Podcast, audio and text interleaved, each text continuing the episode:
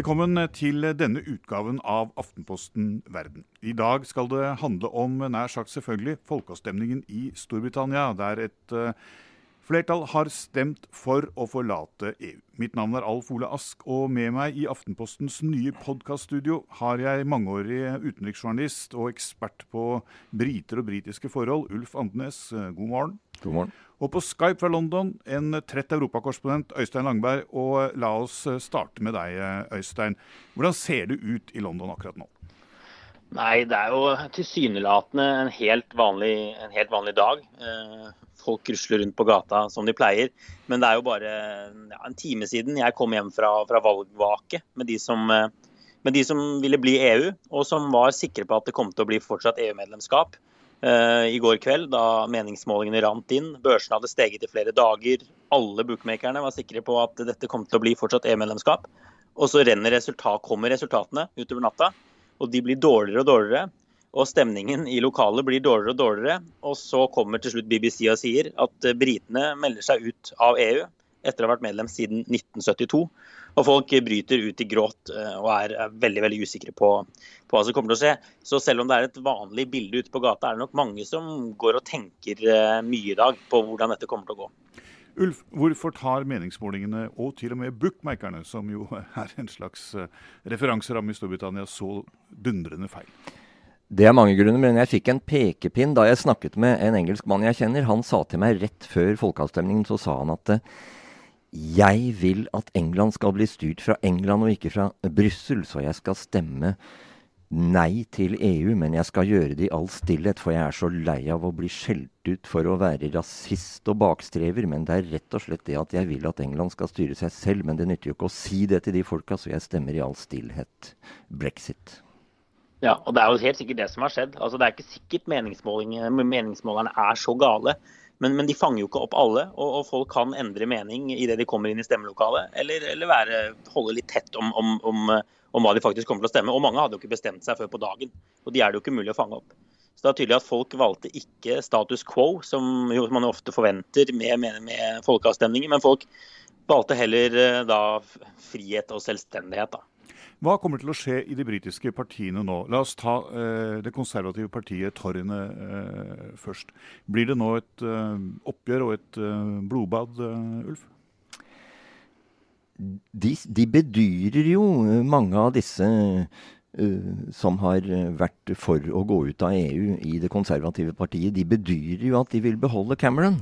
Men samtidig så har jo Cameron ført en veldig Han har hatt et veldig hardkjør imot EU-motstanderne. Sånn at uh, det han nå har faktisk um, uh, fått i gang, det er at det er en masse av hans egne partifeller som nå er veldig sinte på han, og mange som hater ham. Og selv om han har solid flertall i regjeringskollegiet, og også et mye knappere riktignok flertall i parlamentsgruppen, tror jeg vel fortsatt han har, når man tenker på partiaktivistene rundt i lokalforeningene, der har jeg inntrykk av at veldig mange steder så har han et flertall imot seg. Og Cameron har jo sagt uh, at han vil fortsette å selv, men, uh, men, det er jo også et spørsmål liksom, hva Cameron selv vil velge å gjøre her. Det hadde vært veldig interessant å vært inn i hans hode den morgenen her, uh, hvor, hvor dette folke, folkeavstemningsgamblet hans da, har slått feil. Og han har nå blitt mannen som tar Storbritannia ut av EU, og kanskje bryter opp Storbritannia også. Så det kan hende Cameron rett og slett trekker seg selv, selv om han har, eh, selv om han har tilsynelatende en viss støtte. da. Det er mange medarbeidere, eh, eldre medarbeidere i Aftenposten som i dag eh, trekker parallellene tilbake til 1972 og 1994-avstemningen. Den gangen valgte den norske regjeringen helt ulike måter. altså I 72 gikk Trygve Bratteli av. I 1994 så fortsatte jo Gro Harlem Brundtland å regjere selv om det ble, ble, nei. sånn at Hvis man skal se på resultatet av folkeavstemning og EU, hvordan regjeringen oppfører seg, så, så har man jo ulike modeller eh, å gjøre dette for. Men er Storbritannia så splittet at det nesten vil være umulig umulig for en Cameron å bli sittende? Det er veldig vanskelig å spå noe om. Det som nå vil være fryktelig vanskelig, det er altså nå skal man gjennom en lang prosess med alle disse formalitetene man skal foreta for å melde seg ut av EU. Og det skal da bli foretatt av et parlament hvor det er et stort flertall av parlamentsmedlemmene som absolutt ikke personlig ønsker å gå ut av EU. Så her skal det være altså en prosess ledet av et uvillig styringsverk. Men eh, du nevnte det, Øystein, at dette er en eh, avstemning som også kan få store konsekvenser for, eh, for eh, Storbritannia selv. På morgenen i dag så er det uh, sentrale skotske politikere som sier at vi har stemt for å fortsette i EU, så vi vil gjøre det. Nordirene uh, sin Fein sier at nå må man fremskynde en avstemning om hvorvidt da de skal gjenforenes med, med Irland. er det en stor fare for at UK brytes opp? Jeg tror det i hvert fall man må kunne si at det er en fare for det. Særlig, særlig kanskje i Skottland, hvor de jo hadde en folkeavstemning for noen år siden også. Uh, ja, altså, så Vi får se hva som skjer. Altså, det, det, folk er litt uh, delte her. Noen mener også at det er for tidlig for skottene å ha en ny folkeavstemning allerede nå. Uh, de sa jo tross alt nei sist, og det var jo en viss majoritet òg. men, men det er altså, som du sier, helt ledende politikere har vært ute og krevd folkeavstemning i dag. Så så ja, Det er ikke utenkelig. Men samtidig må skottene da, altså skal de bli med i EU, så er det jo snakk om da å bli med i euroen. Eh, det er snakk om, om Schengen. altså det, er flere ting som de må ta stilling til som kanskje ikke er så attraktivt. Dette er jo ikke et eh, tidspunkt kanskje hvor, hvor vestlige, altså vesteuropeiske land begynner å bli med i EU. Hva tror du, Ulf? Bryter unionen opp? Jeg tror at dette resultatet er det beste man kunne få sett ifra en skotsk nasjonalistisk synsvinkel. De har på en måte fått en kjempesjanse til å få en, en, et nytt forsøk på å løsrive seg, servert på et fat. Og det er jo rart å tenke på. De hadde jo en folkeavstemning i 1975 da Skottland var mest imot. Og da de eneste valgkretsene den gang som stemte mot EU, det var jo Shetland og, og Hebridene. Og, men så gjennomgikk de skotske nasjonalistene en, eh, en, fullstendig endring i sitt syn på Europa på 80-tallet, og det er dette vi nå ser følgene av. Uh, Øystein, uh, mens vi er inne på folkeavstemninger. Uh, det er også dukket opp Oi sann, mistet vi Langberg der? Hallo? Der, vi mistet han. Der får vi han tilbake. Du datt ut, Øystein. Nå er du tilbake? Ja, jeg er tilbake nå. Ja. Eh, vi nevnte folkeavstemninger. Det er jo dukket opp eh, flere av disse nasjonalistiske eh, høyrepartiene i eh, Europa. Både Gert Wilders og ledelsen i Front National i Frankrike har nå vært ute og krevd folkeavstemninger i sine land. hvor stor er faren, mener du, på at dette med folkeavstemning om EU-medlemskap skal spre seg? Jeg tror den er i høyeste grad til stede. Nederland har jo allerede hatt eh, folkeavstemning eh, om et helt annet EU-spørsmål. Um, som jo er en veldig merkelig folkeavstemning med veldig rart, med veldig rart lav valgdeltakelse og rart utfall. Så, jeg tror den er i høyeste grad er til stede. Og nå har vi jo, De har allerede begynt å lage disse ordene. Har vi brexit, og de snakker om fixit i Finland, de snakker om nederlandsk exit, fransk exit. Så, så, den er til stede. Men, uh, men altså, nå har jo britene vært de klart mest uh, euroskeptiske ganske lenge. Så det spørs jo om det vil bli et flertall. Det er jo litt annerledes for disse landene som også ligger nede på kontinentet og er med i euroen og den type ting. Men, men det er jo litt sånn, altså det er litt paradoksalt. La oss si at disse landene da har folkeavstemninger nå. Så er det litt paradoksalt dersom Skottland plutselig skal bli med i EU. Det er jo et litt, litt blanda bilde man får her, egentlig.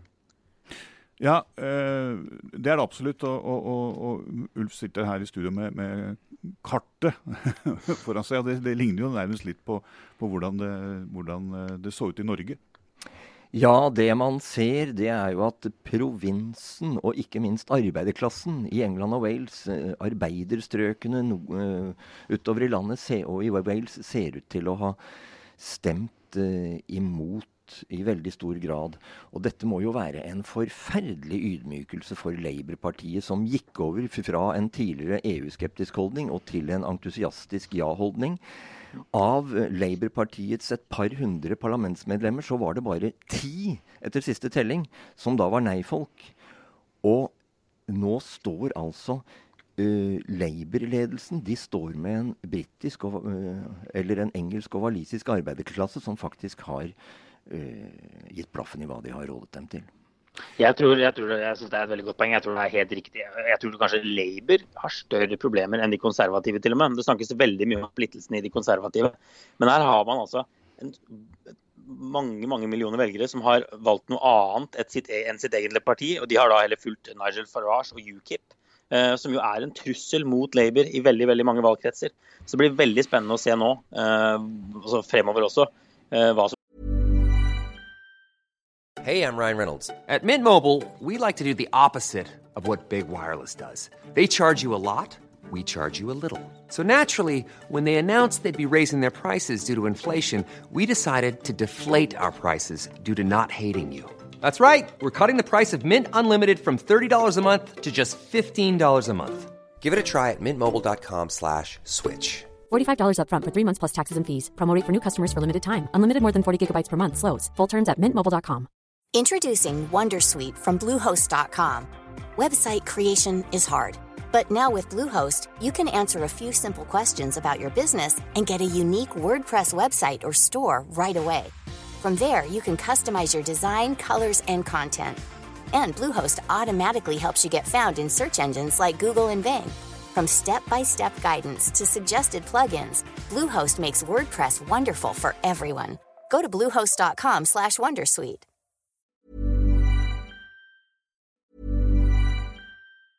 Hey, I'm Ryan Reynolds. Recently, I asked Mint Mobile's legal team if big wireless companies are allowed to raise prices due to inflation. They said yes. And then when I asked if raising prices technically violates those onerous two-year contracts, they said, "What the f*** are you talking about? You insane Hollywood ass."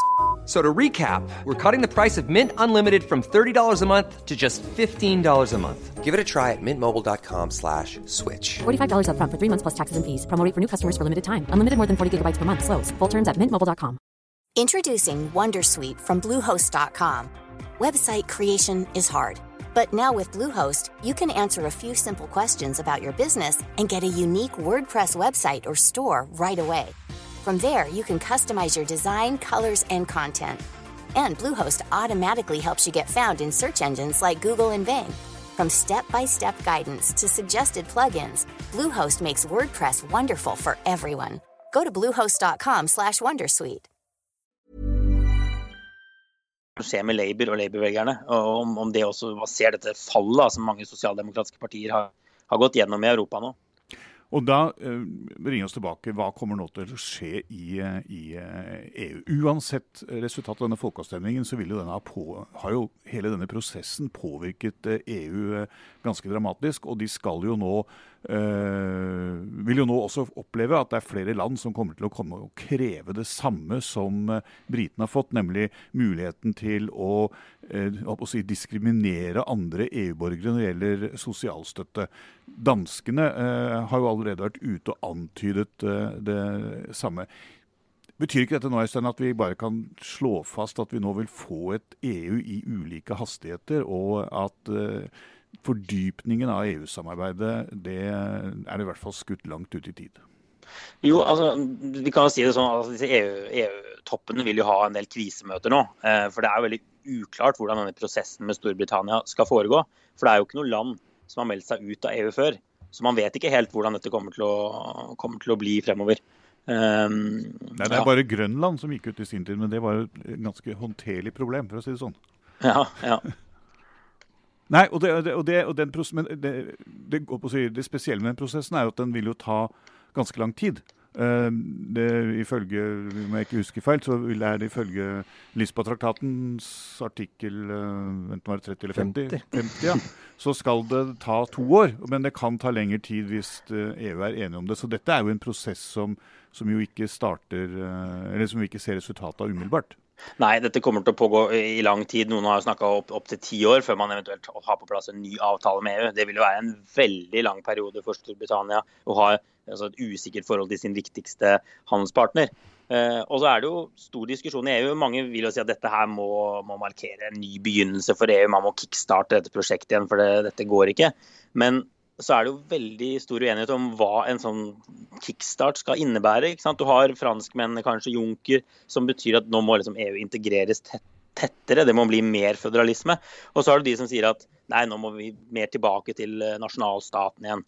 Og som du sier, kanskje legge begrensninger på, på, på fri flyt av arbeidskraft og personer, som jo skaper, og som jo er en viktig grunn til at britene går ut.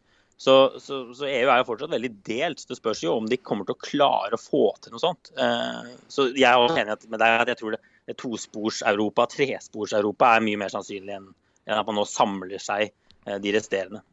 Men det blir, det blir jo litt paradoks da, at det Europa som på mange måter britene kunne tenke seg å bli medlem av, er kanskje det som blir resultatet av deres folkeavstemning, og som de stiller seg på utsiden av. Så Det er jo et av paradoksene i, de, i denne, i denne resultatet av denne folkeavstemningen, eller kan bli det. Ja, Det blir veldig interessant å se hva slags tilknytning til EU britene velger til slutt. Det er veldig lett å være høy og mørk og si at vi skal ha en dyp, god handelsavtale uten fri flyt av arbeidskraft. Men når, de, når, EU da setter hardt mot hardt, så kanskje de må godta noe fri flyt av arbeidskraft etter hvert. Kanskje de får noe som ligner mer på EØS-avtalen. Eh, selv om det jo selvfølgelig er langt unna det de egentlig ønsker seg. Så skal det jo en forhandling til. Det er kjempelett å si at vi vil ha, ha det beste fra to verdener. Og En av de tingene som er problemet med de forhandlingene, er jo at eh, alle de 27 andre landene må jo være enige om det eh, britene får. Og Man har jo sett eh, de spenningene som har vært mellom Storbritannia og f.eks. en del av de, de, landene som kom inn midt på, altså rundt 2004. Eh, så har det vært sterke spenninger. Og det er jo deres eh, landsmenn som britene nå ikke vil ha inn på sitt arbeidsmarked. Og så skal de samme landene sitte og godkjenne en avtale som britene fremforhandler, f.eks. Romania, som knapt handler med Storbritannia. Sånn at det vil jo være eh, kommer jo til å bli mange interessante diplomatiske utfordringer for britene for å etablere et forhold til EU. EU her fremover, som, som, også vil påvirke dem, dem, økonomisk. Så dette kommer til å bli mye for deg å, å henge fingra i, Øystein. Ja, det er jo en annen grunn til at man kunne foretrukket at de ble EU. For dette kommer til å bli en stor sak veldig, veldig lenge. Og jeg tror jo også, jeg må si det, nå har jeg reist en del rundt i Storbritannia, snakket med, snakket med vanlige velgere. Uh, og jeg må jo si jeg tror en del kommer til å bli litt skuffa over uh, Nå skal jo Storbritannia, det er jo Storbritannias Independence Day, uh, har flere proklamert. og folk vil jo se en kraftig Det folk ønsker, er jo et kraftig fall i, i innvandringen. de vil se masse frihandelsavtaler. Det er mange sånne ulike ting folk forventer. Men faktum er jo helt sikkert at mange av disse arbeiderklassevelgerne ikke kommer til å merke så veldig stor forskjell. Eh, det er jo mange på høyresiden som fortsatt vil ha høy innvandring, og som aldri har sagt at de skal kutte innvandringen. De sier at de skal få kontroll over innvandringen. Eh, så jeg tror noen kommer til å, bli ganske skuffa fremover, særlig hvis dette også da rammer britisk økonomi med resesjon og økende arbeidsledighet. Det er en del andre valg eh, i Europa fremover. Det er jo et valg i Spania denne weekend. Eh, det er en folkeavstemning om politiske reformer i Italia eh, noen måneder fram i tid, og osv. Eh, jeg har sett analyser i eh, en lang rekke eh, aviser som sier at dette kan jo bare være begynnelsen på et folkelig opprør og på valgresultater som ikke kommer til å være spesielt gledelig for, for Brussel. Tror du det, Øystein?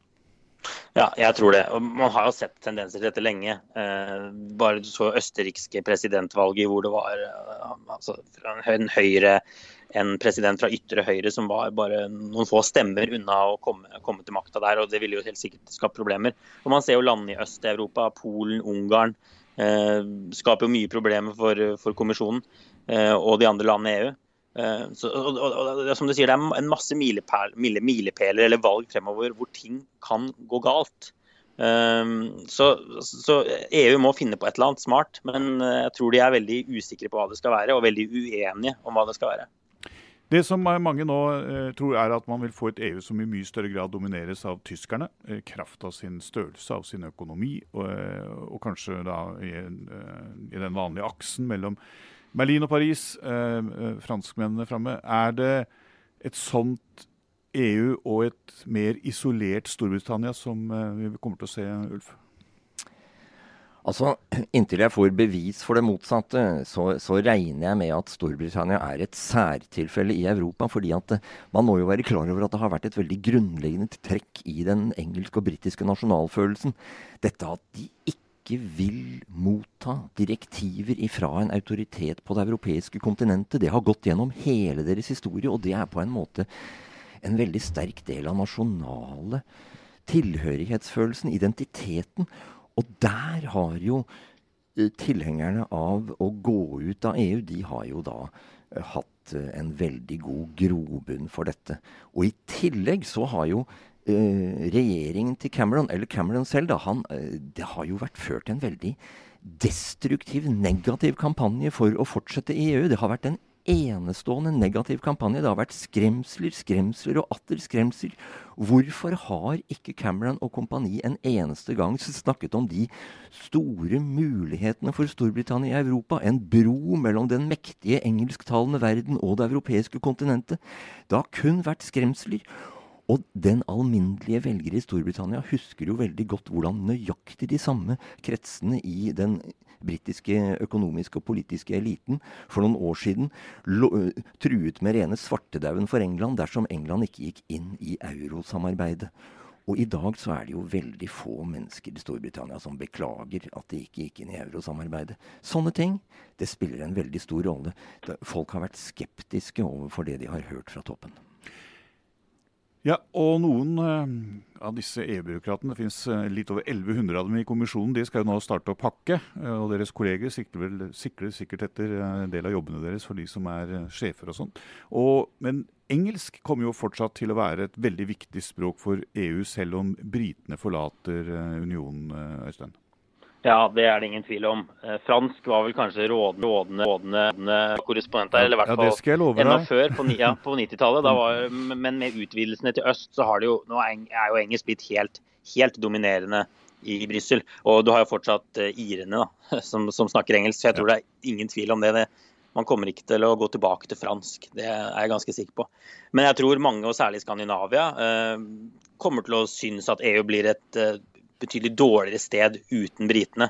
Det har vært en viktig alliansepartner for, eh, for eh, ja, vi kaller det litt mer markedsliberale land eh, i, i Nord-Europa. Så nå blir jo også tyngdepunktet kanskje flyttet mot Tyskland, men også flyttet mot sør.